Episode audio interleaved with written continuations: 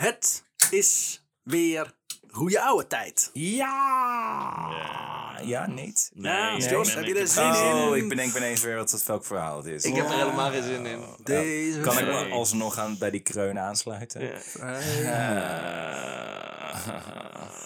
Vrijdagavond, gezelligheid. Yeah! Voor de radio. Goeie oude radio. tijd. Oh, wauw. Wauw, Remy. Hebben we opeens een jingle die Tim zou goed. schrijven? Ja, Maar jij nu gedaan hebt? Nou Zo ja, ben hij, ik. hij zingt hem. Ik heb hem geschreven. Jij hebt helemaal go niks. fuck Nee. you. Je hebt niks. Geen ene moer. Ja, dat verhaal dat hier op tafel ligt. Ja, Dat het. ik zeggen, ja. Die we niet gaan behandelen. Nee. Nee. Oké. De Nederlandse geschiedenispodcast waarin ik en Remy Kader een verhaal heb voorbereid waaruit mijn companen Sjors. En een Tim. kunnen kiezen. Elke week weer een ander verhaal. Ja, de- alleen deze week niet. En, Nee. en maandag ook niet. Nee.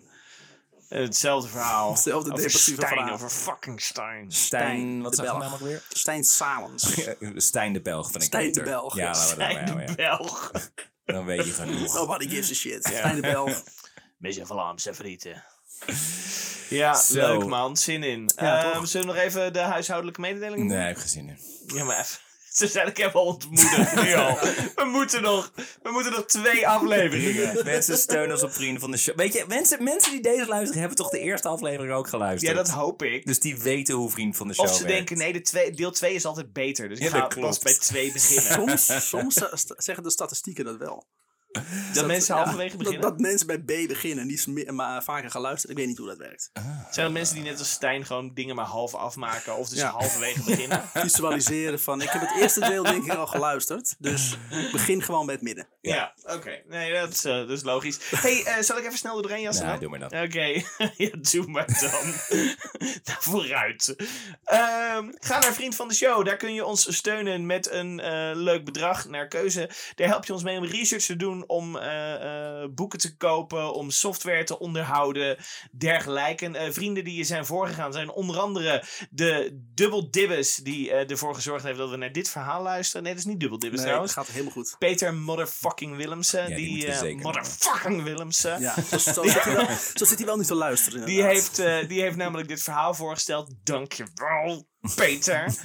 waar dit ook heen gaat. Eh, we hebben onder andere Koen Borg. We hebben Laura Kadenau. We hebben Daphne Kadenau. We hebben... Kijk, zo spreek je dat uit trouwens, Tim. Oh. Eh, we hebben Lotte Noordzij. We hebben Ruben Verwij. eh, en Mireille Dekker. Die missen we Ja, nog. nee, Dekker, ja. Eh, ga naar Spotify. eh, laat een rating achter. Ga naar Apple Heb nou Podcasts. laat een rating achter. Nee, Ja. Lotte Noordzij heb ik wel Oh, oké. genoemd. oké. Mijn fout. Zeker wel. Zeker heb ik die genoemd. Jongen, jongen. Ehm, en eh, we zijn hartstikke blij met jullie dat jullie luisteren. En we gaan door, door met dit verhaal. Dus pak een, een whisky, een bier, pak iets en Pak ga, Pak je partner goed vast. pak een doos met tissues om te janken. En eh, laten we gaan luisteren naar wat Remy Web is- van Leugens nou. Dit is de sequel. Stijn Does Australia. Just when you thought it was safe to go back down under. Ja. Nee, wat- Oh, Ja, ja. oké. Dat werkt. sure. Wow. Het is een tegenovergestelde Crocodile Dundee. Omdat Ja. hij in deel 2 juist naar Australië gaat. Ja. Ja. 31 januari 2012. 2012. Het is dinsdagochtend. Op, op 31 januari. Nou goed. Rond een uurtje of acht. Het kasteel is in Reppenroe. Ik weet het nog heel goed. Oh. Vaders bed was leeg. Het kasteel is in Rippenroer, hè? Ja, het kasteel is in Reppenroer. De kinderen moeten naar school. Elisabeth moet naar werk. En Stijn loopt blootsvoets als een zombie door de woning. Stijn is met zijn boek bezig. The Purpose of Our Soul. Hè? Zijn... Maar ze waren toch naar Australië vertrokken en de kinderen bleven bij open oma? Maar jij gaat nog even een stukje terug. Nee, dat kondigt ze aan. Ze vertrekken over vijf dagen. Oh, oké. Ja. Maar ik dacht dat het boek namelijk ook al was uitgegeven. Nope. Ja. Hij wil het in eigen beheer. Hij, was al, hij, was, Oh. hij is zelf al tien stappen verder. Ja. Maar eigenlijk is hij nog bij stap één. Ja, oké. Dus dat boek komt nooit uit ook. Zij is nog met zijn boek bezig. The Purpose of Our Soul. Maar is niet tevreden over het eindresultaat. De dag ervoor... Het is namelijk maar voor de helft af. Ja, dus En daar maar... is hij niet zo blij mee. En hij beseft dat het gewoon kut geschreven Ja. is. Oh, wacht eens even. Dit is troep. dat wilde ik helemaal niet. Dit slaat helemaal nergens op. ah, jammer. De dag ervoor, eh, op maandag, was er een staking in het onderwijs. En moesten de kinderen thuis blijven. Daardoor kon hij niet schrijven. Vandaag heeft hij de hele dag. Maar dan moet Elisabeth wel opschieten en de kinderen naar school brengen. Hij hoeft zelfs niet na te denken over wat hij in de middag gaat eten. Elisabeth heeft al een pan met soep voor hem opstaan. Hij loopt door de keuken in zijn boxershort, terwijl Elisabeth om hem heen alles regelt. Het is een mooie samenvatting voor een relatie. Om eh, vijf voor half negen neemt eh, Elisabeth en de kinderen afscheid van Stijn, die aan de ontbijttafel zit. Ze zet, vier, zet vier haar vier kinderen in de auto en rijdt hen naar school. De jongste blijft bij Elisabeth en ze neemt die mee naar de praktijk, zodat oma die kan komen ophalen. Rond 11 uur is de laatste patiënt van Elisabeth net de deur uit. Er komt nog een medisch vertegenwoor- vertegenwoordiger langs. Daarna moet ze naar de bank om de reistickets te betalen. Ze heeft zoveel aan haar hoofd dat ze een lijstje is vergeten waarop staat wat haar huisbezoeken zijn voor die dag. Dus het is niet een Brakenburg. Ze gaat ook langs bij, eh, bij patiënten thuis. En dus moet ze weer eventjes Ja. langs huis. Dus ze wipt- En gaan we de naam Delphine weer Oh, horen. ik, eh, Mark, eh, sorry, Mark, Tim leest het voor. Maar heb ik, het, heb ik het goed of niet? Nee. Ja. Ehm, dus ze wipte langs de praktijk om deze op te halen. Ze krijgt een telefoontje van haar vader, gesprek van ongeveer vier minuten. Dan, dan springt ze in haar auto en rijdt recht naar het kasteel, naar Stijn. In de auto belt ze met haar naar haar schoonmoeder, Annemarie. Die heeft rond het middaguur al eens gebeld, maar ze had het te druk met, eh, om op te nemen. Ik vind het echt spannend. Ik Ja. ben echt, er gaat echt Ja, iets het is ook omdat er tijdstippen worden genoemd. Ja. Dat is niet goed. Tijdstippen die zeggen vier voor en vijf over. Ja. Het gesprek gaat over de Filipijnse huishoudster van de ouders van Stijn. Als zij en Stijn in Australië zitten, zal zij op de kinderen passen. Die huishoudster dus. Elisabeth is ondertussen op het kasteel aangekomen en rond het gesprek af. Ze is hier omdat Stijn had beloofd om haar na 11 uur te bellen. Nu is het bijna 1 uur 's middags en Stijn heeft nog steeds niet gebeld. Hij gaat soms zo op in zijn werk dat hij de tijd uit het oog verliest. Ach, die gekke Stijn. Hij, hij werkt ook zo hard. hè? Ja, hij doet ook zoveel om ons te onderhouden. Mhm. Ze parkeert voor het kasteel, loopt de trappen op en opent de voordeur. Haar oog valt op de drempel. Jezus, die ziet er smerig uit. Kom op, bloed. Aangekomen in de hal ziet ze een plas bloed op de grond liggen. Ja. Oh, laat hem gewoon lekker dood zijn. Nou ja, denk je dat hij dood is? Stijn zal zich wel gesneden hebben bij een klusje in de tuin, denkt Elisabeth nog. Oh, fucking naïeve. Een gedachte die ze gelijk weer laat varen, want Stijn zou vandaag juist de hele dag schrijven. En sowieso werkt hij nooit in de tuin. Hij pakt al zijn spullen en dan is hij wel een beetje klaar in de Oh, Stijn, werken. Stijn, Stijn zal zich wel gesneden hebben tijdens hard werken. Oh nee, wacht, dat doet hij nooit, gekke ik. Die het gras aan het maaien is en halverwege gewoon stopt. Stijn, roept Elisabeth een paar keer. Er volgt geen antwoord. Alleen haar vraag galmt door het ijzingwekkende stille kasteel. Naast het bloedspoor in de hal vindt ze ook een kartonnen doos. Die doos heeft ze nog nooit gezien. Maar eerst Stijn vinden, denkt ze. Oh, het wordt een beetje Seven nu, hè? What's in the box? in the box. Als ze van kamer naar kamer gaat, begint de paniek te groeien.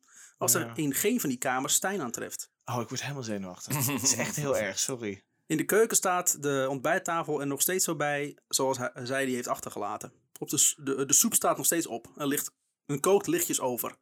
Hé, verdomme Stijn, let dan op.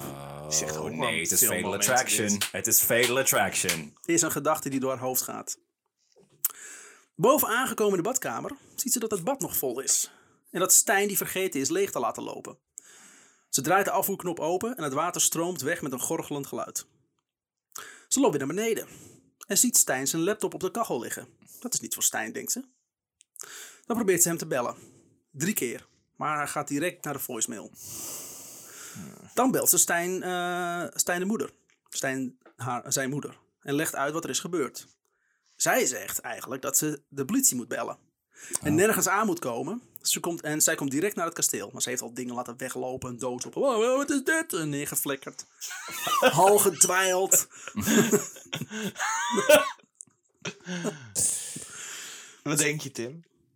Wat, wat, wat denk je? Wat- ja, ik wat- denk dat... Of in die, die, die- in die bak met soep dacht ik, daar, li- daar ligt een, een hoofd in of zo. Die doos. Ik weet niet, dat, dat bad, maar dat bad is inmiddels leeg. Dus dat, dat is niks, maar... Ja, en we hebben nog steeds een, de naam van Delphine natuurlijk ergens Ja, maar die, die, die Filipijnse dienstmeid die hadden we nooit eerder gehoord. En die wordt nu ineens genoemd. Ja, ik noem zoveel dingen. Ze belt de politie. Die oproep komt binnen om 8 over 1. En de politie geeft aan dat ze gelijk een patrouillewagen sturen. Maar die is er na een half uur nog steeds niet. Als ze dan opnieuw belt, geven die nogal schaamtelijk toe dat ze de weg naar het kasteel niet kunnen vinden. Godverdomme. Ze legt nogal geïrriteerd Het is uit. een fucking Belgemop gewoon. Maar waar is dat dan? Ja, we hebben nog aangeklopt, want de bel deed het niet. dit is een Belge, is een kasteel, hè? van drie uur. Hele lange, hele lange, hele lange opzet. Aha, Vlaamse vrienden. Het begon allemaal in 1977. Ik wil dat Stijn Wow, aan, zijn wow. einde, aan zijn einde komt door, door een schietstoel in zijn helikopter. Ah, ben zelf ontworpen. hè. Onthoud dit even hoe leuk dit is. Onthoud even hoe leuk Hou je dit hier is. aan vast. Hou je hier aan vast. Ze legt nogal geïrriteerd uit hoe ze het beste kunnen rijden. Ze staan nu buiten ongeduldig te wachten. En belt weer. Waar blijft die patrouille? Ja, mevrouw, ze zijn onderweg. Ja, hallo. Ze krijgt het koud en gaat maar in de auto zitten. Als haar schoonmoeder aankomt, is de politie er nog steeds niet. Dus haar schoonmoeder belt nu zelf de politie. En schreeuwt in de telefoon dat er een moord is gepleegd. En dat zij uit Kortrijk vandaan komt en er sneller is dan de politie. Ja. Ze blijft vloeken en tieren en hangt uiteindelijk op. Stijns broer is ook onderweg. Dat is een andere broer, het is niet die berecht. Hij komt, nogal, no- eh, hij komt een nogal verwarde politieman tegen die naar iets op zoek is. Als hij vraagt of ze misschien naar eh, het kasteel Carpentier op zoek zijn, geven ze dit toe. Hij zegt hen te volgen. Ze zijn gewoon nergens mee. "Waar- waar is Het kasteel nou ik er niet vinden. Ik weet al knieën. En het erg is ook nog eens een keer, volgens mij bestaat Google Maps al nu. 2000. Is het 12? zeggen? 12 jaar? Ik weet het niet. Maar Nou, in België niet. kunnen. In België is de infrastructuur ook niet zo goed. Google, Google Maps? We kunnen dat nauwelijks uitspreken. Dat is het. Ze Google. doen, ze doen alles via de, ja, ze doen alles via de voice activator van de telefoon. Google zoekt. Ik kom helemaal niks op terecht. Maar Het is mijn Belgisch niet. Eh, ik, ik, ben heel, ik ben een Belg met een Twents accent. Ja. dat is Harm. Dat is Harm. Ja. Dat is Harm met Betsy. Aangekomen bij het kasteel zetten ze de, gelijk de boel af. En beginnen met het ondervragen van de aanwezigen en begint het, on- en begint het onderzoek pas echt. Maar er is al een wacht huis even, vermist er en er is- een plas bloed. Ja, ik wou net zeggen, die man is weg, Stijn is weg. Ja? Er staat een doos, waarvan we niet weten wat erin zit. ja het, is niet, het is echt een kartonnen doos, niet een of andere vrouw die niks weet. Ja, maar, maar is de doos leeg of is de doos dicht en ongeopend? De, de doos heeft, eh, is leeg. Heeft, eh, heeft eh, ja, een, een open gat eigenlijk. Waar je in kan kijken. Je kan in de doos kijken. Dus er zit, en er zit niks in Er die zit doos. niks in die doos. En een plas bloed. Die Ja. fucking doos. Oké. En het bad wa- eh, was open en de soep stond over te koken. Ja. Laptop stond op de verwarming. Ja. En Stijn is weg. Stijn is weg. Maar los van het bloed, niet heel veel om op af te gaan. Nee. Dat er, dat er eh, zo heftig een actie moet En ik vraag me dus af, en ik kan het, kan het dus nooit ergens goed. Hoe groot was die plas bloed? Ja, Want haar eerste reactie was: Oh, hij heeft hij gesneden. Dus, dus ja, dus Ja, terwijl de schoonmoeder dan meteen er is een moord gepleegd. Dus dan ja, maar die, is gelijk, die is gelijk in paniek. maar die, maar die, die, vindt ook, Stijn niet. die, ja, maar die vindt ook dat je best je, je dochter tong, kan tongzoenen. Dat is gewoon normvervaging. Ja, nou ja, dat, dat- is deze vrouw, hè? Ja, ja, ja daarom, daarom stond ik ervan te kijken dat ze de politie belden. En ze niet meteen zei, ah joh, ah, een beetje bloed op zijn tijd. eh." Dat is gewoon gein van Stijn. Heeft hij weer, heeft hij weer, heeft hij weer iemand ontmaagd? Hey. Jezus. Godverkut. Het was Ja, zo leuk. We hadden het zo leuk, Remy. Godverkut, ja. Ehm Annemarie en Werner, de ouders van Stijn, wijzen eigenlijk gelijk naar André, de vader van Elisabeth. Gelijk. Waarschijnlijk zo. Ja. Naar een foto. Is dit de man? Hij! Hij is de vlees, vlees geworden kwaad. Dat heb ik laatst nog in een boek gelezen. Dokter Dictator. Heb ik laatst nog in een gevisualiseerd boek gelezen. Ja, het was nog niet uitgebracht, maar... eh, Dat ja. heb ik laatst nog in een gevisualiseerd boek gelezen. Oh, Wawa. wat een goed Twins accent heb jij in huis. Ja, ik weet ook niet wat er gebeurde. Hij zou het niet hebben geaccepteerd dat ze naar Australië zouden gaan. Nee. En kunnen zich, nog her- kunnen zich nog herinneren dat hij hun zoon met de dood heeft bedreigd. Eh, Stijn had hem toch met de dood Ja, bedreigd? maar blijkbaar André maar Stijn dat, ook. maar dat hebben ze zich anders herinnerd. Ja. Als je dat gewoon anders visualiseert, Ja. Dan moet je niet zo vasthouden dan aan de blijft de dreiging aanwezig. Ja. Maar dan is Stijn het Ik slachtoffer. wil even, want ik ben ook een soort van nog. eh, de kinderen zijn op school. en Die jongste is bij eh, de schoonouders, toch? Dus Ja. bij André en, eh, en zijn vrouw. Waarvan ik even niet weet hoe ze heet. Monique. Monique. Dus zij loopt gevaar. Zij is in handen van een moordenaar. Ja. En een dictator. En dan komt het En toch... een duivenmelker. de- de- het dokterverhaal Onder uilen. onder dokter Brakenburg. Die heeft ook veel slachtoffers. Dus, Dat is ook wel zo. Rond, ehm, dus dat is, dat is hun verklaring. Rond drie uur s middags worden André en Peter gearresteerd. Peter is de broer van Elisabeth, de zoon van André. En gefouilleerd. Er worden lijkhonden ingezet. Er wordt niets gevonden in de woningen van Peter en André. Vooral in de woning van Waar Peter. baseren ze dit op?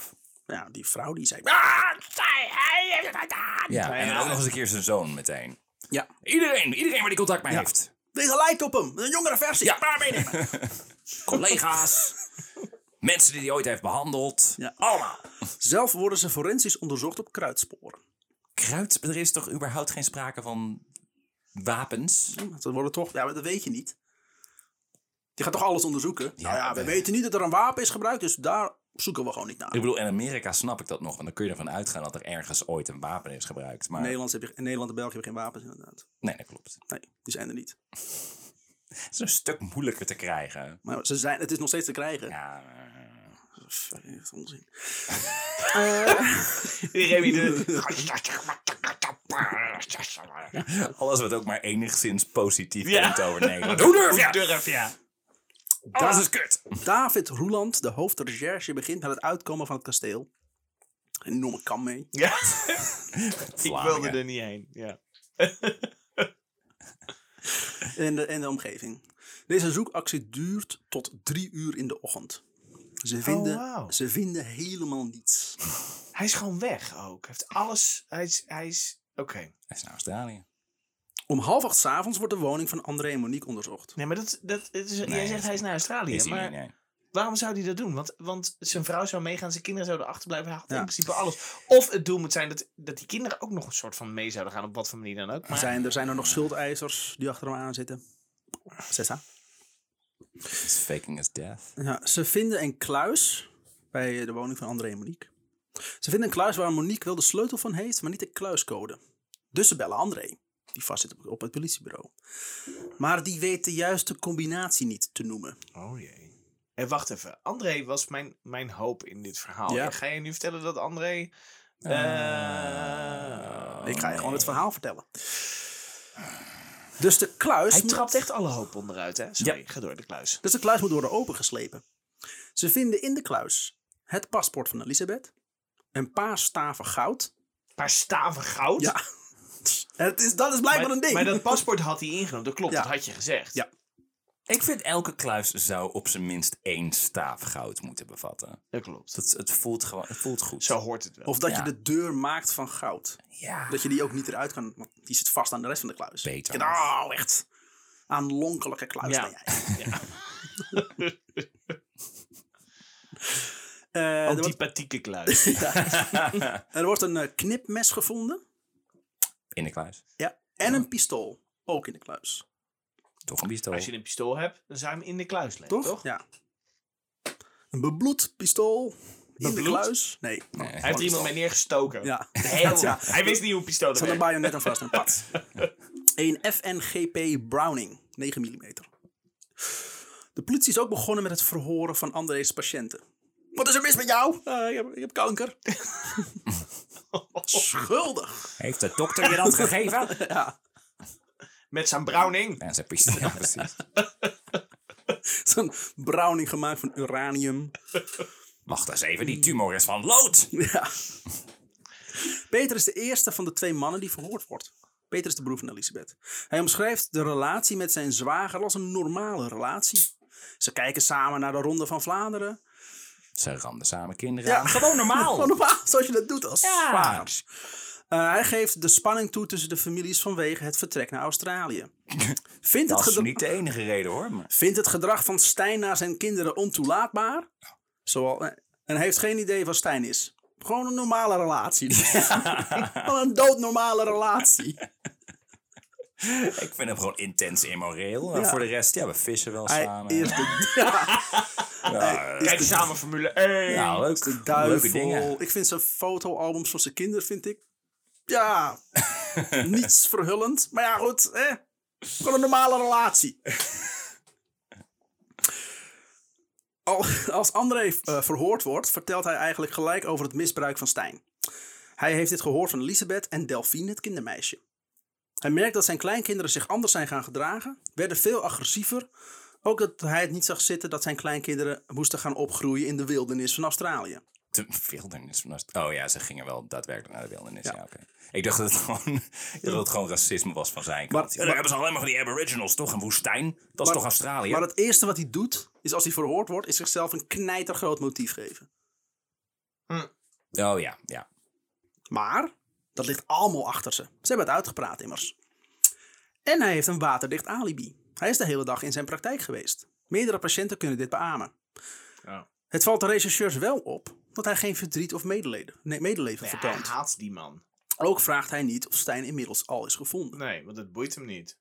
Ook al, Hij is ook weg. al Hoera! als hij het niet gedaan heeft, Ja. ja, ik, ik snap ergens wel dat hij denkt, eh, laat die man maar lekker weg Ik zijn. begin wel echt heel erg te Ja. vermoeden dat Stijn gewoon zijn eigen eh, dood eh, heeft gefaked om Ja. André te fokken en zelf onze schuldigen aan te komen. Uh, in, in Australië weer vrouwen te gaan verkrachten. Ja. Ja. Elisabeth wordt ook ondervraagd. Zij vertelt over haar bewegingen van die dag, over de relatie die ze heeft met haar man en over de toekomst in Australië. De volgende dag gaat de zoektocht door in het kasteel en omgeving. Ze vinden naast de trappen van het kasteel de telefoon van Stijn. Op een of andere manier heeft iedereen die de vorige dag over het hoofd gezien. Fucking Belgische politie. Sorry hoor, maar Anders bel je het nummer. Oké. Tid- Kan iemand die telefoon uitzetten? Ik probeer maar het nummer van Stijn te bellen. Dat kan. Ja, maar hoe vind je in godsnaam Ik telefoon met, met die kam? dit klinkt wel heel... Sorry, dit- maar dit klinkt wel heel vreemd. Lacht hij daar echt of is hij daar geplant? Of is het, is het zeg maar... Weten we niet. Dat weet jij wel. Nare man die je bent. Ze hebben er wel heel erg lang over gedaan om überhaupt dat kasteel al te vinden. Nee, maar een hoe- telefoon is veel kleiner dan zij een kasteel, was, zij was in Veel dat kleiner. kasteel en zij heeft hem meerdere malen proberen te bellen en dan ligt hij naast de trap. Ja, ja, ja, hij, kon, hij kon op... Dus eh, of op- hij is daar later neergelegd, mode, eh, hij is opeens gevonden. Nee, ik... eh, Ook vinden ze een bril van. Ook vinden ze de bril van Stijn op die trap. Op die trap. ja, Oh, nee. een bril. Nou, Ja, dat vinden ze dan opeens. Ze hebben Ja. het hele huis uitgekamd. En een brief Nou, waarin staat, André heeft mij vermoord. Ja. Zojuist. zojuist, ja. Ik schrijf deze brief. Ik ben dood nu. Ze treffen ook kogelfragmenten aan in de bloedplas. Oké. En die hadden ze ook nog niet eerder. eh, Oké. De telefoon van André en Ze alle- hebben na het uitkomen van het huis wel opeens een dag later opeens weer heel veel meer dingen gevonden. Ja. Ja. Ah, het was donker. en Het einde van een shift. eh, België. Het was vrijdagmiddag, ja, weet je. ja. Dus ze, ah, kom op. vrijdagmiddag, wanneer de zon ondergaat in, eh in Ruiselee. Oh ja, het was donker inderdaad. Nee, het was niet donker, het was gewoon in de middag. dat donker is dat dus niet. Nee, we hadden al established van het is donker en dat was vrijdagmiddag. Dus dat het was winter, ik weet het niet. ja. Het gaat goed hier. Nou, het is wel in januari, dus het kan. Ah. Ja. De telefoon van André en alle leden van het gezin worden af- afgetapt. Ook bij de ouders van Stijn. Verder sporenonderzoek in het kasteel en auto's levert niets op. Bij het doorzoeken van de auto van Peter vinden ze een taser en een bus pepperspray. De lijkhond slaat niet aan. Peter heeft geen goede verklaring waarom die wapens in zijn auto liggen. Ja, ik, eh, Maar het probleem, probleem- Peter is het is de, de- Belgische politie, dus een lijkhond is ook, ook daadwerkelijk een dode hond. Ja, de dode hond. Ze in die auto. Ja, hij deed niks. Gooi, gooi, die, gooi die stok eens. Dan. Kom op. Kom op. Hij Oh, die, hij ah, we hadden die stok niet moeten gooien, daar prikken we hem altijd mee. Peter is de, is de broer van Elisabeth. Ja, precies. Oké. Die taser gebruikt toen die lijkhond. Ja. Met een beetje de stuiptrekkingen. ja, hij deed. Ja. Hij deed Ik zag hem bewegen, schuldig. Eh, de politie besluit Peter en André één dag langer vast te houden. Gebaseerd op niks. Nee. Ja. Het vinden van, van Ja, verdenk- dingen. Nou, die ze kennelijk. Er meldt zich een getuige bij de politie. Die heeft eh, bloed gezien op straat. Hij heeft dit niet gemeld die dag. Wel was hij er zo door geïntrigeerd dat hij later zijn vrouw heeft meegenomen om naar die bloedplas te komen kijken. Was het Stijn met een plaksnor? ja. en, een, en een monocle. Ja. Goed op. Maar hij weet niet meer waar, die, waar hij die plek heeft gezien. Ook omdat er inmiddels een sneeuwstorm getrokken is over het plaatsje. Ja, dat helpt Dus niet, waarom nee. kom je dan überhaupt nog naar de politie? Ik heb iets gezien, ik weet niet meer wat. Ik heb iets gezien. geld? Ik heb iets gezien. Ik vond het zo interessant dat ik er later terug naar ben toegegaan met mijn vrouw. Maar nu nee, weet ik niet meer waar. Heb ik geholpen? Kan ik, kan, mag ik ook in de krant? Eh, buurtbewoners hebben een terreinwagen gezien met een Nederlands kenteken. Die zich rond het Ah, kasteel Nederlands. Nederlands geschiedenispodcast. Cirkel is rond, klaar. Er eh, meldt zich een student die tegenover het kasteel woont. Hij verklaart dat hij rond half elf een geweerschot hoorde. Verder onderzoek stelt vast dat het geweerschot uit de hal kwam, dat de deuren in het kasteel waren gesloten en alleen de voordeuren stonden open. Dit is belangrijk. Ze hebben nu een tijdstip van de moord en hoe de scène eruit heeft gezien. Dus Ik zie, even- de, ik zie de Belgische politie er wel voor gaan. Een geweerschot, maar, het- maar we hebben alleen een pistool gevonden. ja, Maar er is nu een moordonderzoek, Ja. maar, maar geen lijk. geen lijk en geen wapen. We hebben geen doden, we hebben geen wapen, maar we, we- maar we Ja, denken wel dat er een moord is. Ja. Nee, er is geen, geen, geen Er is een moordwapen. pistool gevonden, maar nee, ja, nee. Nee, dat is we- Nee, ni- nee, nee. niet te bewijzen dat Ja. dat een nee, moordwapen nee, is. zeker niet. Maar ze gaan uit van een moordonderzoek vanwege die plat- platspot. Ja. Maar eigenlijk is, is de Stijn gewoon verdwenen. Denken we. De familie Salens heeft geen vertrouwen in de rechterlijke macht. En schakelen zelf parallel aan het onderzoek een Amerikaanse specialist in. Ja. Een zekere Laurie Williams. Is het zeker een of andere innere psychische energie-achtige... Zij is een expert op het gebied van controlled remote viewing Ja hoor.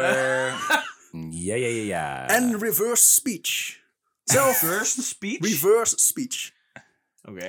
Zelf, zelf omschrijft zij zichzelf als een intuïtieve specialist. Ja, Oftewel een helderziende. maar ze is eigenlijk een ontzettende tuk. Wat? Ja, in reverse, speech, that works. Well done. nice. Deze jonge wetenschap maakt, het duidelijk, maakt het duidelijk dat alle informatie in de wereld toegankelijk is. En moet je die gewoon vanuit het onderbewustzijn leren lezen en interpreteren. Gewoon. Dat moet je Gewoon gewoon, doen. ge- gewoon doen.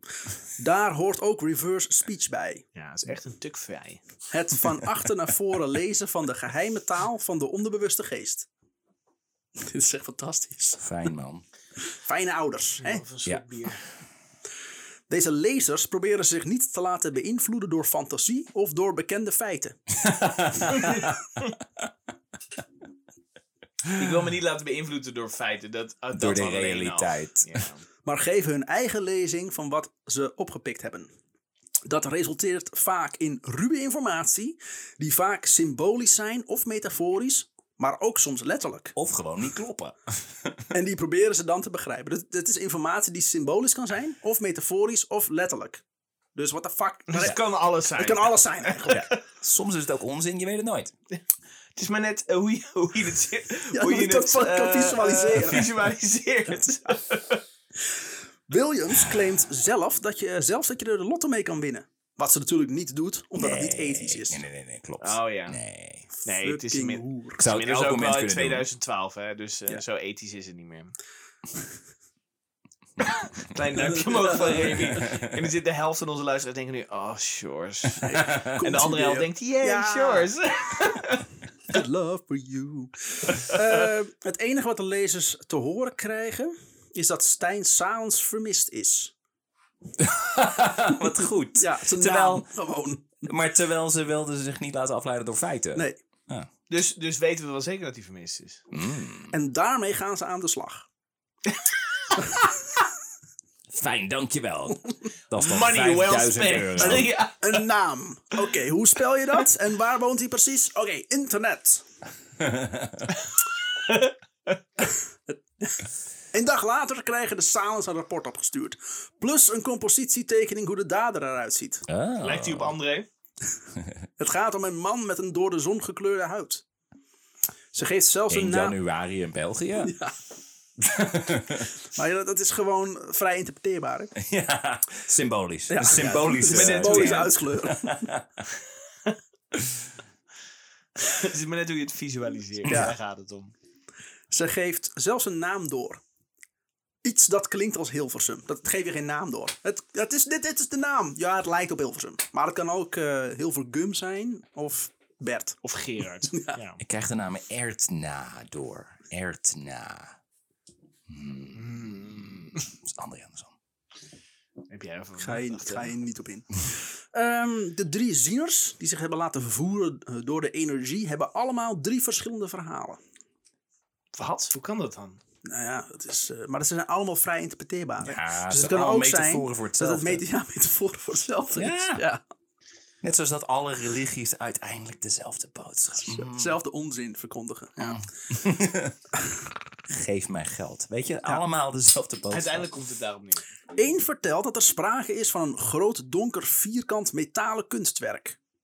Een groot, donker... Donker vierkant metalen kunstwerk. Daar begint. Maar alles is metaforisch, symbolisch of letterlijk. Dat is die hè? kluis. Dat is die kluis. kan van alles zijn. Ah.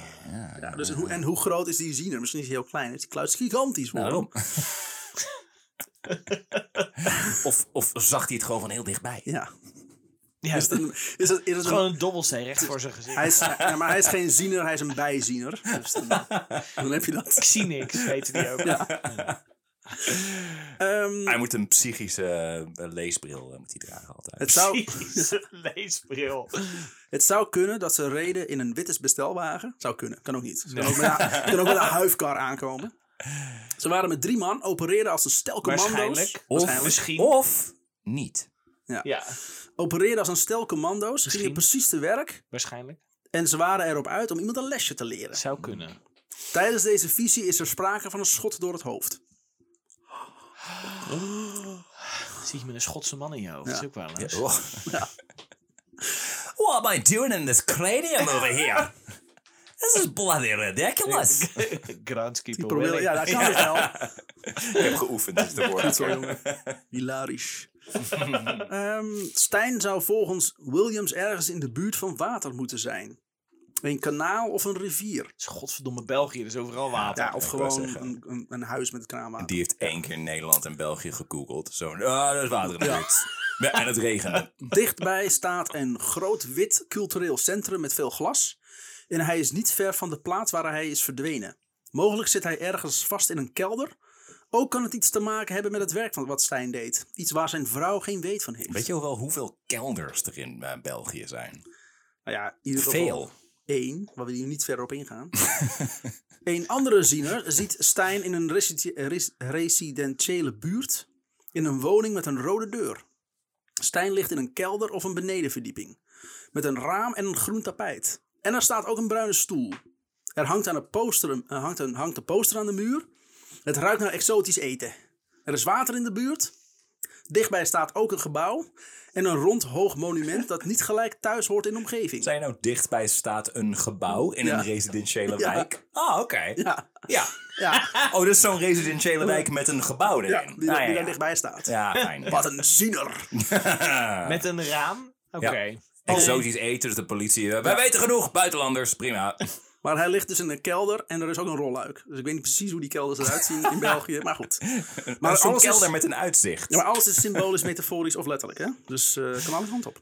Volgens de derde en laatste ziener, godzijdank, is de opdrachtgever een 40-jarige man met donker haar.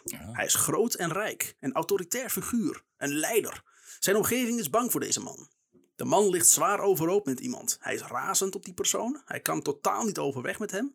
Hij is koppig en wil niet luisteren naar goede raad. Hij wil enkel zwaar uithalen naar zijn tegenstander. En heet André. En die onlangs te ver is gegaan. Ongeacht de gevolgen voor hem. Hoe zwaar die ook mogen zijn. Iemand zonder geweten of spijt. Deze man heeft twee of drie kinderen waar hij erg trots op is. En om wie hij veel geeft. Hij heeft drie kinderen waarvan hij twee heel erg trots op is. Ja, Dat is Zijn macho trots is zo groot dat hij alles in het werk stelt om zich als een sterk figuur op te stellen voor zijn kinderen. Hij laat zich niet snel van de wijs brengen. Dat is dus de visie van die derde ziener. Gek. Die heeft Nou, gewoon dit een willekeurige eh, man omschreven. we, hebben, we hebben een dader. Ja.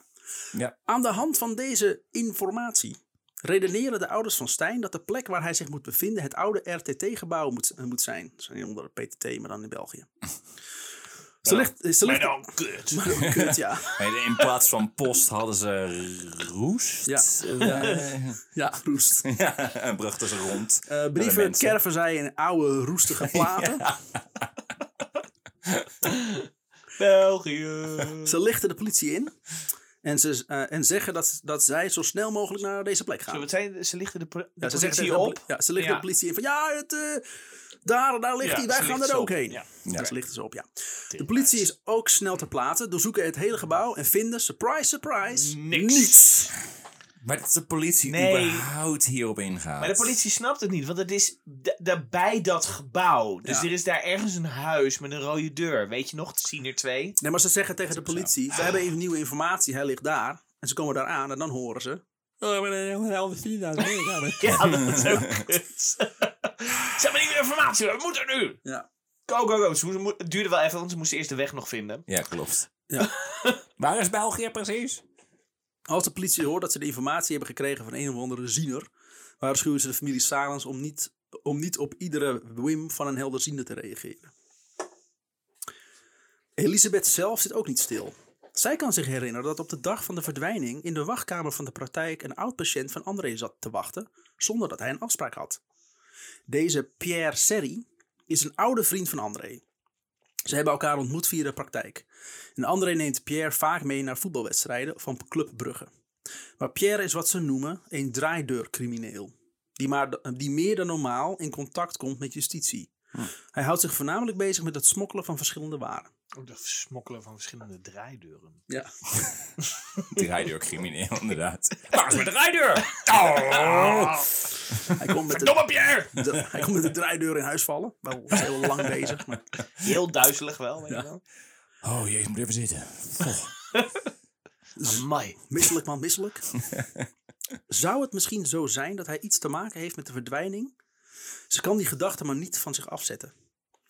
Een besluit om Pierre op te zoeken bij zijn huis. Goed idee. Daar aangekomen, midden in de nacht, komt Pierre naar buiten. Midden in de nacht? Ja. Ze besluit Pierre op te gaan zoeken, maar dan denkt ze, dat ga ik nu doen. Het is nu twee uur s'nachts. Prima. Beste tijd om een crimineel op te pakken. eentje een moordenaar inderdaad opzoeken. Gelukkig is er geen moordenaar, want fucking bullshit. Dit is echt, als dit in een film gebeurt, dan denk je echt, jij bent echt een mogol. Dit doen mensen in het echte leven gelukkig niet. Maar wel, Oh, nee. maar wel in België. Ja. Waar ze kennelijk geen films kijken. Ehm, aangekomen midden in de nacht komt Pierre naar buiten. Aangekomen. Elisabeth wil niet naar binnen, omdat ze bang is dat Pierre haar iets aan zal doen. Ga er dan niet heen! Als, Hey Pierre, dat je het vast weet. Niemand weet dat ik hier ben. als Elisabeth niet naar binnen komt, stapt Pierre maar bij haar in de auto. Oh ja, want dat is veiliger. Zeker. Ik ben echt dat boos. is Ik ben echt haar boos nu. auto, dus die beschermt haar. Ja, toch? Daarvoor heb je toch een airbag? Heb je Of, nooit de eh, Night Rider gekeken? Bumblebee. ehm, binnen in de deuropening staat zijn vrouw te wachten. Van Elis- Pierre. Elisabeth vraagt eigenlijk gelijk of hij weet waar Stijn is. Hij antwoordt dat hij met haar meeleeft, maar dat hij geen idee heeft waar Stijn is of wat er met hem gebeurd is. Hij vraagt haar ook om niets tegen de politie te zeggen over hem. Hij kan de aandacht van de politie op dit moment niet gebruiken. Ik ben op, met, met een ontzettende draaideuren heist bezig namelijk. Ik ben nu... Kijk heb, die blueprints. ik heb een draaideuren loods gevonden bij Brugge. Achterin zijn huis allemaal draaideuren ook staan en op tafel liggen. Je komt er nooit uit. Maar eh, dat Wel vraagt- verdraaid. Dat, dit, dit vraagt hij en Elisabeth belooft hem dit. Als Elisabeth weg is, wordt Pierre een beetje zenuwachtig. Om het Ja. zeker voor het onzekere te nemen, duikt hij een paar weken onder in de Ardennen. Tegen zijn vrouw zegt hij dat hij voor zaken naar een veemarkt gaat in Sini. Op weg naar de Ardennen pikt hij zijn maîtresse Carine op. Hey. Is even dit is even een side, eh, Even side note. side note. Pierre, eh, de draaideurenman. Elisabeth vertelt haar schoonouder, eh, eh, schoonouders over haar ontmoeting met Pierre. Wat haar heeft bewogen om daarheen te gaan. En zij zeggen dat ze dit aan de politie moeten doorgeven. Moet doorgeven. Maar Elisabeth zegt dat ze heeft beloofd dit niet te doen. Maar daar kopen de schoonouders weinig voor en maken zelf melding van het voorval. Ja, het voorval is dus alleen maar Haar verdenking. ja, dat hij eh, contact heeft met André. Ja, dat Dat is zij de denkt- enige. nee, ja, ja. zij is daarheen gegaan. Maar En dat dat- is toch op zichzelf, zegt dat toch niks? Nee, maar hij, dus die Nee. man is, is regelmatig met justitie in aanmerking gekomen. Ja. Op de dag van de verdwijning is hij bij André geweest zonder dat daar een afspraak van was. Ja, ja. En dus, dus de reden van die afspraak weten we ook niet. Dus daar, i- daar is enigszins dat je denkt, hm, oké, zij was je daar, maar misschien was het gewoon een vriend die zijn vriend opzoekt. Zou Ja. kunnen, Ja. weten we niet. Ja, en André is En nog steeds zij op geen enkele dat. manier gelinkt aan de- iets waarvan we nog niet eens weten of het een moord is. Nee, je moet, Nee. ergens- je moet het wel ergens onderzoeken. Je kan niet elke feit wat je tegenkomt. Oh, laat maar. Er is nog geen link, dus eh, we onderzoeken het gewoon niet. Nee, precies. dus, dus zij is daarheen gegaan en, en hij zegt, ja, doe maar gewoon niet zeggen. Ja, want ik ben een crimineel. Als ik aandacht van de politie krijg, dan zouden Ja. mijn zaakjes wel eens eh, in het honderd kunnen lopen. Plus, Mm. als er iemand is, als er een crimineel is waar de politie vaak omheen hangt, dan willen andere criminelen daar geen zaken mee doen. Dus Nee. ik begrijp het ergens wel. Maar haar schoonouders kopen daar dus weinig voor en maken er zelf melding van. De politie zegt dat ze Sherry sowieso al op het spoor zijn vanwege een eerder incident. In oktober 2011 Is het iets met rijden? zijn bij een patrouille van de politie twee Tsjetsjenen aangehouden, omdat deze zich verdacht gedroegen. Tsjetsjenen. Ze waren namelijk echt heel Checheens. Ja, Kijk nou hoe, hoe Checheens ze zijn. En het was er niet Tsjetsjen. het waren de Tsjetsjee. Oh, die is dan moeilijk. was die. hilarisch. Oké. De, bestuurder, de bestuurder Rusland toont zijn idee. Hij komt uit Rusland en woont in La Louvière. Rustam, de passagier, is ook een Rus. Ze heet allebei Rus van de voornaam. Fantastisch. Terwijl als ze noemen. ergens een tyfushekel aan hebben. maar heeft zijn eh, papieren niet bij zich om dat aan te kunnen tonen. Ze zijn ver van huis. La Louvière ligt zo'n 120 kilometer van Aalter vandaan. De politie wil weten wat ze hier komen doen. En ze leggen uit dat ze op zoek zijn naar werk. En dat ze net gesproken hebben met een mogelijk werkgever. De naam van de man kennen ze niet. Trouwens, exotische eetluchtjes. Tsjetsjenen? Eh, ik weet niet hoe exotisch dat is. Dat is alles nog ingevroren. Ik bedoel, Ja. ik weet niet of ze überhaupt eten hebben. Ze maken hem koud. Ja. de, de, naam van de, man, de naam van de man kennen ze niet. De, koude. Ja. de politie heeft zo zijn twijfels bij deze uitleg. Laten de mannen uitstappen en beginnen met het doorzoeken van de wagen. Bij het fouilleren wordt een briefje gevonden van 100 euro. Vers van de pers, zonder vouwen. Op de vraag waar ze het geld vandaan hebben, volgt niet gelijk een antwoord. Via de meldkamer komen de, man, eh, komen de politiemannen te weten dat deze twee Russen bekend zijn bij het Belgische gerecht voor mishandeling en ontvoering. Kunnen we ze niet twee Russen noemen? Hm? Tsjetsjenen. Ah, fuck it. Ho- hoezo is dat een probleem? Omdat het gewoon op dat we al heel erg lang allemaal onafhankelijk willen worden. En ontzettend kut worden behandeld in Rusland. Maar ik vind Tsjetsjenen vind ik kut aan me uit te spreken, dus dan zeg ik liever Russen. Mm. Ik vind het gewoon jammer dat het niet vier Russen zijn. Padapapapap. Ja, zodra, Hoi. je, zodra het vier Tsjetsjenen zijn, dan zijn het vier Russen. Absoluut. Ja, ja, ja absoluut. Ja. Oké, dus, dus jij hebt even aangekaart, Tsjetsjenen wordt kut behandeld door Rusland. Dus Ja. je zou het waarderen als we gewoon zeggen, het zijn Tsjetsjenen, want het zijn Tsjetsjenen. Ja. En Remy zegt eigenlijk, fuck dat, want het is voor mij veel makkelijker om Russen te zeggen. Ja. Ja. Oké, nee, ik wil dat gewoon even benoemd hebben. Ik vind het gewoon moeilijk om Zeg maar, bepaalde woorden Tim uit te die spreken. opkomt voor mensenrechten en Remy die er scheid aan Dat vind ik te moeilijk. Taiwanese zijn ook gewoon Chinees, dat is makkelijker. Ja, Dat is één lettergreep minder. Fuck dat. Oké. Oekraïners zijn nu ook gewoon Russen. Dat is voor Remy Nou, makkelijker. nou, nog even wel, ja. Ja, we weten niet wanneer deze, pod- wanneer deze podcast uitkomt. Dat is ook weer waar. Dus- Opeens bedenkt Rusland, of uit Tsjetsjenland, Dank je. Fijn. Was dat zo moeilijk? Ook er een beetje boos om zijn. Dat is ook fijn. eh, dat hij het gsm-nummer van de man heeft, waarmee ze eerder contact hebben gehad. Als de politie dit nummer belt, neemt de man op met Pierre Serry. Hallo, ik ben Act. Hallo met Pierre. Met Pierre. Vanuit de Ardennen met mijn minnares. Ja. Pompen. De, poli- de politie commandeert hem direct naar de Losstraat te komen. Dit speelt zich af in oktober, hè? eerder. Oh ja, voor de sorry. moord nog. Oh ja. Ja, ja. En beginnen met het doorzoeken van de wagen. In de wagen vinden ze een met de hand getekende routebeschrijving en een stratenplan. Er staat 8080 Ruizeleden opgeschreven en Stijn Stalens met een T. Het kasteel is aangeduid met een X. De Tsjetsjenen beginnen moeilijk te doen en geven aan dat ze weg willen. Serry is nog altijd niet opkomen dagen. Dus de politie belt hem weer. En hij zegt dat hij onderweg is. Nog steeds. Hij woont echt eh, twee, eh, 200 meter van die, van, van die Ja. straat Ja, vandaan. hij is gewoon kan omgekeerd en weg, Hij weg- kan het niet vinden. heel hard weggereden. Ik had het gewoon niet vinden. Ja. Nou, dat is het probleem. Ja, dat gebeurt daar. Moeilijk. Ja.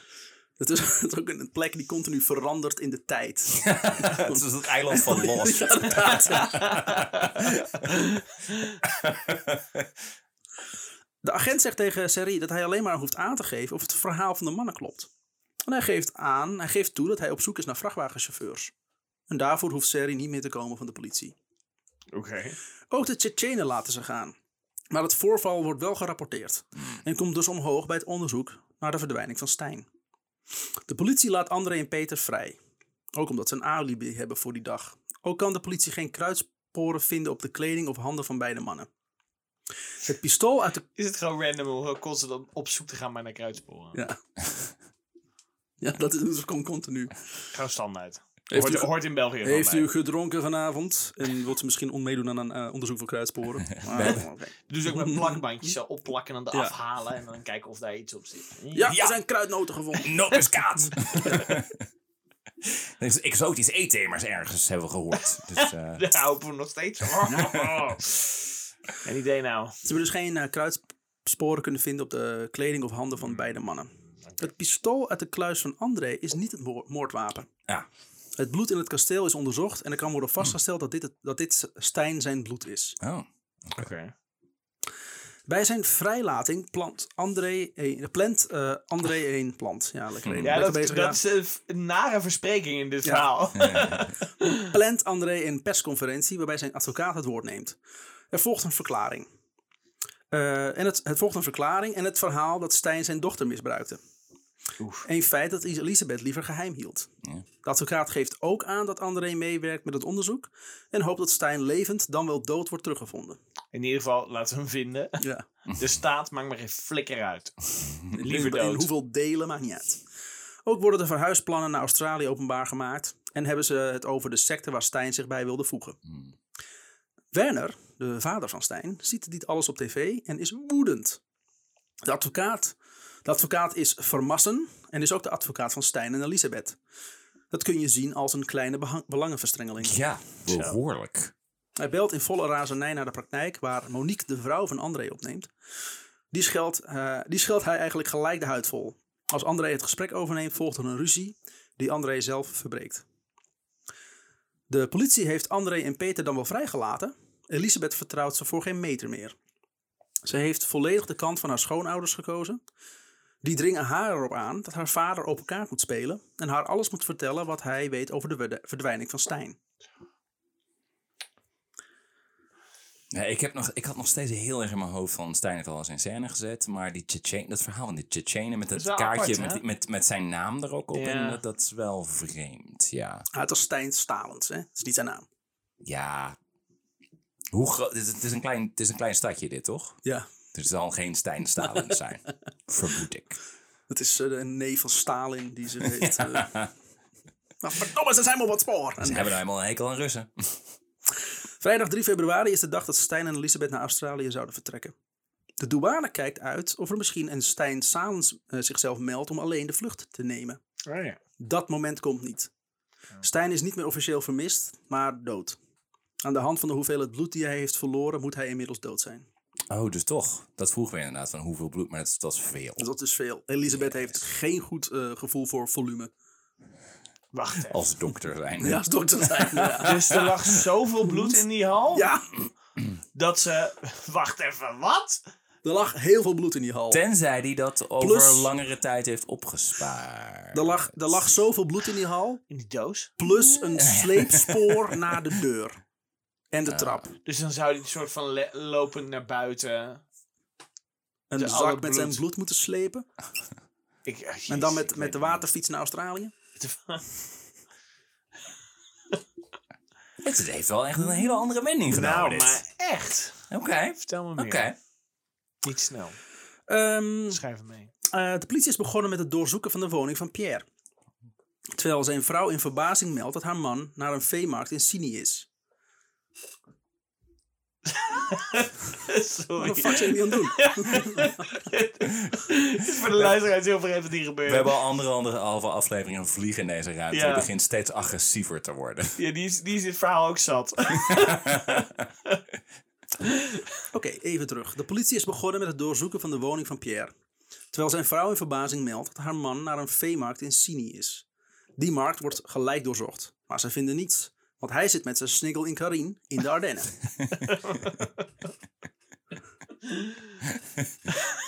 Ah, ik ben een beetje trots op die zin. dan, belt de politie, dan belt de politie hem maar.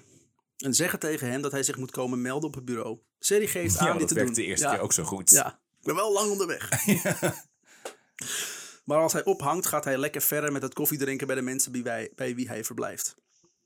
Als hij na twee uur een stukje gaat rijden, wordt hij gelijk klemgereden door de politie en gearresteerd. Ah. Ook de- hij ging ook rijden in zijn eigen auto. Dus het kenteken is gewoon doorgegeven aan de landelijke politiedienst. Ja. Is niet zo slim. Want draaideuren achter in de kofferbak natuurlijk. Ja, ja, ja. Twee dode draaideuren. Ik heb deze draaideuren omgelegd. Die ging ik nu net begraven. Ook de twee, In het bos. ook de twee Tsjetsjenen worden opgespoord en gearresteerd. Hm. Rusland probeert nog te vluchten via het dak, maar komt niet ver. Rustam wordt gearresteerd in de woning van zijn vrouw. Seri heeft een chalet in de buurt van het kasteel. Deze wordt direct onderzocht door de politie. In het huisje zelf ligt niets verdacht. Ze zien wel dat in de tuin een put gegraven is, met een grote hoop zand ernaast. Maar een lijkhond bespeurt niets in de put. Oh, Er is nog die steeds geen lijk. Ik, ik ben, zeg maar, films hebben mij geleerd dat zolang ik geen lijk zie, Ja, ja, ja. er nog geen lijk is. Klopt. Dus ik, eh, ik ben nog steeds heel benieuwd. Je moet op het minst inderdaad dat ene shot waarin de villain doet. No! Vlak voor de explosie. Weet je, Ja. dan, nou, nu is hij dood. Ja, dan weet ik het zeker. Seri geeft zijn DNA af en ontkent ook maar iets te weten van de verdwijning. Hij zegt dat, dat hij André al jaren kent. En dat hij die 30 januari daar was voor een Mini Cooper van Peter. Die wilde hij verkopen. De dag daarna was hij er voor een bloedanalyse. Hij kent Stijn wel, maar heeft de man maar één keer gezien. Als ze hem vragen of hij Russen kent, zegt hij dat hij nooit een Rus heeft ontmoet. Nooit. In mijn hele leven nog nooit. Wel Polen, die kent hij wel. Wat is dat voor een rare zijn? Don't know wat die man zich drijft. Ik ken het niet. Nee, ik heb wel eh, iemand eh, ontmoet die een keer in Roemenië is geweest. Heb je daar iets aan? Ja, Stijn Staal, heb je die vermoord? Nee. Ik heb wel een Stijn Stalens vermoord laatst. Ik eet wel eens goulash. Ja. Heb je daar iets aan? Als de politie begint over het voorval in oktober met de twee Tsjetsjenen, zegt uh, Seri dat hij eh, die wel kan herinneren. Die kwamen namelijk voor een Chrysler die hij inmiddels heeft verkocht. Terwijl in eerste instantie hij begint over dat ze werk willen. In het eerdere verhoor. Oh, het is helemaal niet vreemd. Hoe de twee aan de naam van Stijn kwamen, weet hij niet. Hij kan, ook niet, hij kan het ook niet verklaren. Hij heeft wel een alibi. Hij was namelijk rond de tijd van de moord bij André in de praktijk voor een bloedanalyse. Daarna is hij gaan, ta- gaan tanken, zo rond 10 uur, half 11. Maar op camerabeelden van het tankstation zien ze dat Serri daar pas om 11 uur is. Serri getuigt ook dat hij de rest van de dag in Nederland was. En via Bergen op Zoom weer terugrijdt naar Aalten, waar hij pas om 7 uur s'avonds is. Bergen op Zoom moest ik even melden. Ja, Shout-out. dat mijn familie dat noemt. Ik zeg, Ah, al, ik, zeg al, ik zeg alleen maar. Ja, nee, oké. Voor, de luisteraars ook van, moet je Bergen dan zo melden? Hadden zij een alibi? Alle krabben, laat je horen. Ook rijdt hij door naar Kampen om met van, van het hul eh, te praten. Yay! Alle kampers op de sigarenfabriek, weet ik niet. Eh, bij dat is het fijn. fouilleren vinden ze... Hoe, hoe kun je zoveel weten over de stad waar ik vandaan kom en alsnog ons, onze groepsnaam verkeerd uitspreken? Omdat Kampers, je omdat weet dat we bekend, staan om sigaren. Ja, ik doe, het, Ja. ik doe het altijd inderdaad per ongeluk verkeerd uitspreken. Kamper. Per ongeluk. Per Mhm. De ongeluk. Bij het fouilleren vinden ze een briefje met het nummer van Delphine. Plus het kenteken van haar auto. Delphine, daar is ze weer. Ja. Ook staan beide gsm-nummers van Stijn en Elisabeth op het briefje. Serri kan niet verklaren hoe hij aan dit briefje komt. Hij is wel echt van de waterdichte alibis, Ja. deze man. Geen idee. Geen idee. Ik heb er geen actieve herinneringen aan. Nee, ja, mijn telefoon ook niet. Pierre Serri Rutte. S'avonds gaat de telefoon bij Serri thuis. Het is Karin. Zij vraagt de vrouw van Serri om haar op te komen halen. Zij zit nog steeds in de Ardennen en weet niet hoe ze thuis moet komen nu Pierre gearresteerd is. En dat vraagt ze dan aan de- zijn vrouw. Aan de Oh, minnares vraagt aan... Hi, aan ik ben de minnares van je vrouw. Hey, of van je man. Ehm, kun je mij anders eh, Gek opkomen halen? Ik ben echt Gek verhaal. Ik ben zo genaaid door Pierre. Hij is gewoon gearresteerd en laat me hierachter. Oh, en ik ben ook gewoon letterlijk genaaid. door hem. ik ben zo genaaid en daarna heeft hij me hier laten zitten. Ehm, Elisabeth en haar schoonouders gaan de volgende ochtend naar de politie. Ze hebben in de krant gelezen dat er arrestaties zijn verricht. Ze worden niet op de hoogte gesteld. Ze moeten dat in de krant lezen. De familie wil een verklaring. Vooral de arrestatie van Serri is verontrustend. De politie legt de stand van zaken uit. Ook vertellen ze de familie dat de overlevingskans van Stijn inmiddels nul is. Oh ja, trouwens, eh, ik denk dat hij dood is. Elisabeth krijgt de sleutels van het kasteel terug. Ook krijgt ze haar paspoort die, de, die de politie uit de kluis van André heeft gehaald. Het is gewoon nog verdacht, hè? Alles is verdacht in deze Ja. zaak. Hier heb je je reispapieren terug. Ja. Wel in eh, België blijven. hè? Ja. Vertrouwen, ja. Ja. Thuis aangekomen, belt ze haar vader op. Als die opneemt, begint ze gelijk hysterisch te schreeuwen. En vraagt waar Stijn is. Zolang Stijn niet gevonden is, krijgen André en Monique haar- hun kleinkinderen niet meer te zien.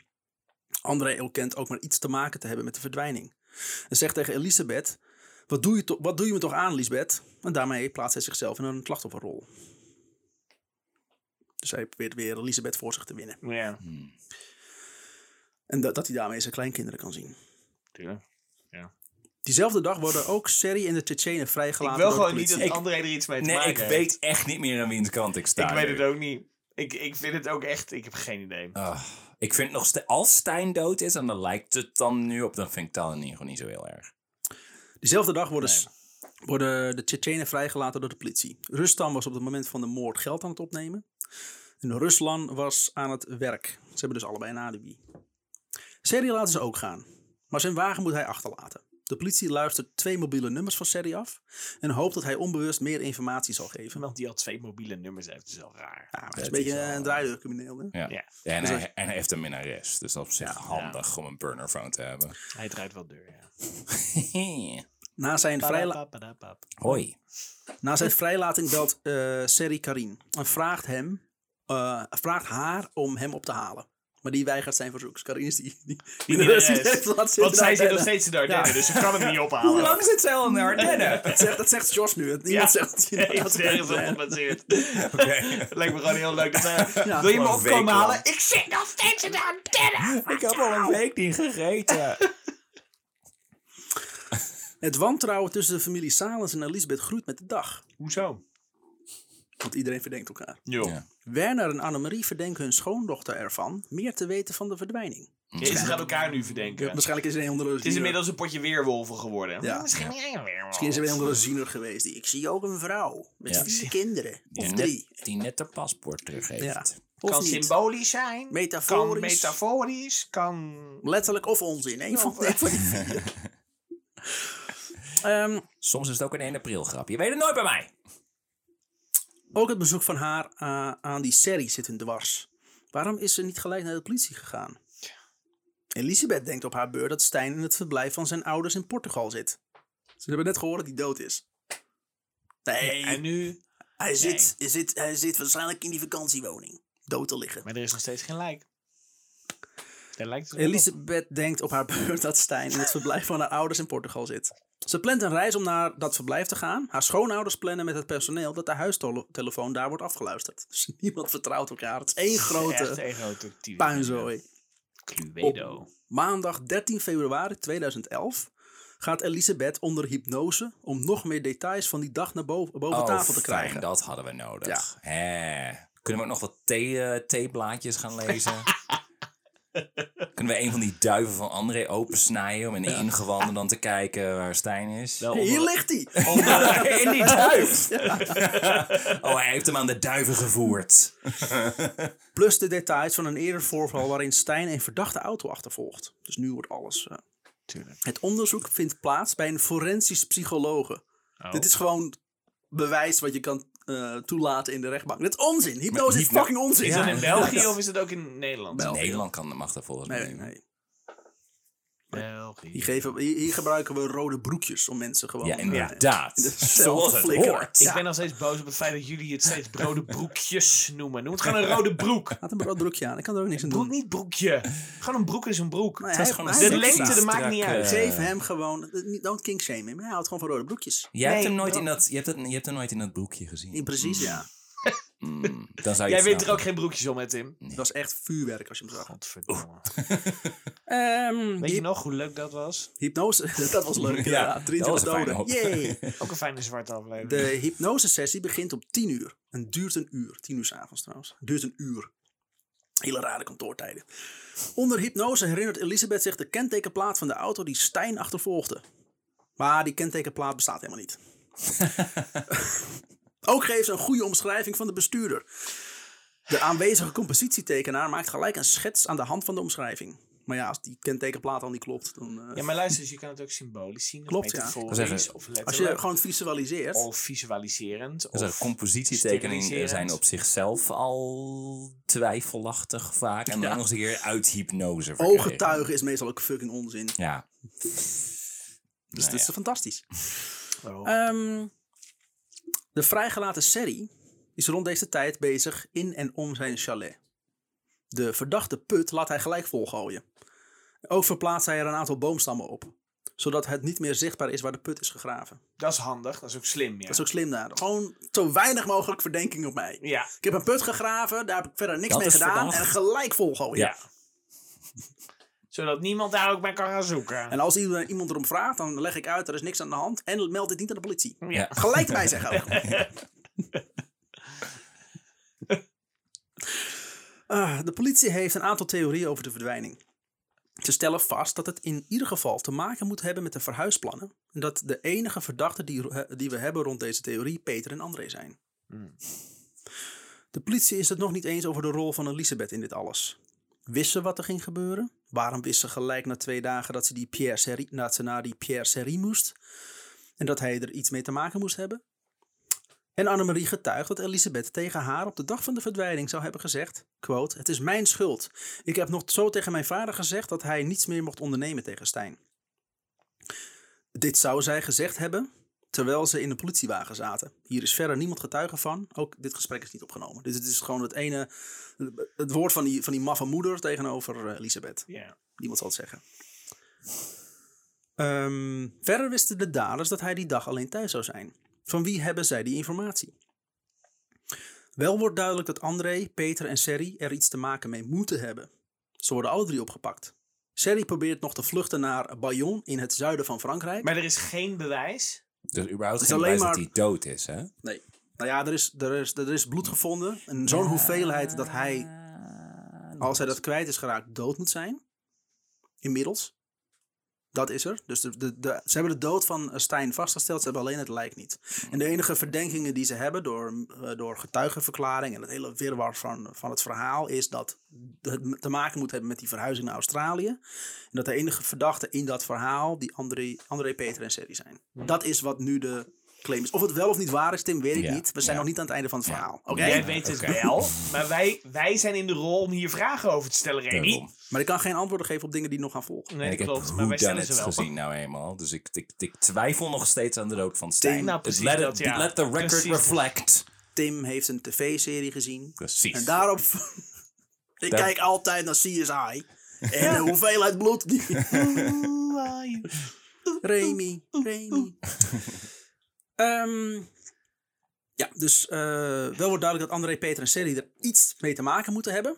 Zij worden alle drie opgepakt. Serry probeert nog te vluchten naar Bayonne in het, ja, naar Bayonne in het zuiden van Frankrijk. En neemt wederom Karin mee. maar die heeft geen zin in een lange rit naar Frankrijk. Ja, want wie weet hoe lang ze daar aan het strand uh, vervolgens. Moet ik je vrouw weer Zit ze bellen? daar weer. Hallo? Dus ja, jij raadt nooit wat er gebeurd is. Gek verhaal. Moet je luisteren. Eh, Dus ze gaan naar Oostende. Daar aangekomen wordt hij gelijk klemgereden en gearresteerd. Het is wel een soort van patroon bij hem. Ah! Fuck it. en zij zit nu in Oh, nergens Oostende. Ja, Godverdomme. Domme, weer, weer, weer eh, die vrouw bellen. Hi, ben ik weer. Ook die, er is ook niemand anders die zij Nee. kan bellen. Ja, van, ja, ik heb maar één telefoonnummer in mijn telefoon. Ook de Tsjetsjenen worden weer, of sorry, de Russen worden weer opgepakt. Heikel. Nou man. En de e- en ene Mathieu. Een zakenrelatie van Serry. Die hem in contact heeft gelegd met de Russen. De Tsjetsjenen. De politie plaatst... Ik was vergeten wat, wat voor ontzettende Poetin-fan eh, jij was. Dat is ook zo. Als FVD'er natuurlijk. Ja. Ja, ik word betaald door, eh, door Poetin. Dus, eh, deze, deze podcast is gesponsord door Poetin, dat weet je toch? Oh, wacht. Oh, kut. De politie plaatst ook afluisterapparatuur in de gangen van het gerechtsgebouw. Daar horen ze Serry en Mathieu afspreken wat ze tegen de onderzoekers gaan vertellen. Zodat hun verhaal klopt. Ze zullen gaan verklaren dat de Tsjetsjenen een auto kwamen kopen, maar dat, eh, dat ze die uiteindelijk te duur vonden. Waarom laat je überhaupt verdachten met elkaar praten voor een verhoor? Omdat ze dan informatie geven die je kan afluisteren. In België is het blijkbaar, mag je dat afluisteren. Oké, ja. Het is trouwens het einde van deel 2, jongens. Oh, Zo. Wel, eh, eh, vooral door het heen? mysterie minder erg dan aflevering 1. Ik was Ja, zo klaar voor een secteverhaal. Ik ook. En ik sluit niet uit dat die alsnog gaat komen. Ja, ja Maar- zou kunnen. Ik kan moeilijk dingen loslaten. Dat nou antwoord moeten we dan symbolisch of metaforisch? Of letterlijk moeten we dat interpreteren? interpreteren? Mijn, Hoe moeten we mijn, dat mijn visualiseren? voorspelling inderdaad dat Stijn nog steeds leeft en gewoon bloed heeft opgespaard. En dat daardoor de hoeveelheid bloed niet betekent. Ja, en Het- die het is is niet ook nog zozeer waar, maar het is wel een metafoor en tegelijkertijd ook een voorspelling en, en, het, en, en een 1 april grap. Hmm. En die do- maar die doos is nog wel een ding ook. Want Remy heeft ook een, een lege doos genoemd. Die Ja. er eerst niet stond. En nu opeens wel. En dan die telefoon die ze eerst niet gevonden hebben. En dan hebben ze Ja. opeens die telefoon uit zijn trap. Ik, ik vermoed een beetje dat Elisabeth ook Mm. in, in on it is. Ik Ja? vertrouw haar ook niet. Ik weet het niet. Het is ook allemaal net hoe, hoe Remy het ons omschrijft natuurlijk. Ja, ik weet ook niet wat ik omschrijf eigenlijk. Nee, jij doet ook maar wel natuurlijk. Ik snap het. Ik snap Ik heb het ook allemaal maar verzonnen. Oké. Het staat helemaal geen Peter Willems. Dus we moeten nu wachten tot maandag. Ja, maar een paar dagen wachten. En dan komt het slot. Dus een Slot van het zinderende verhaal. aflevering. Tot over drie dagen, mensen. Tot over drie dagen, ja.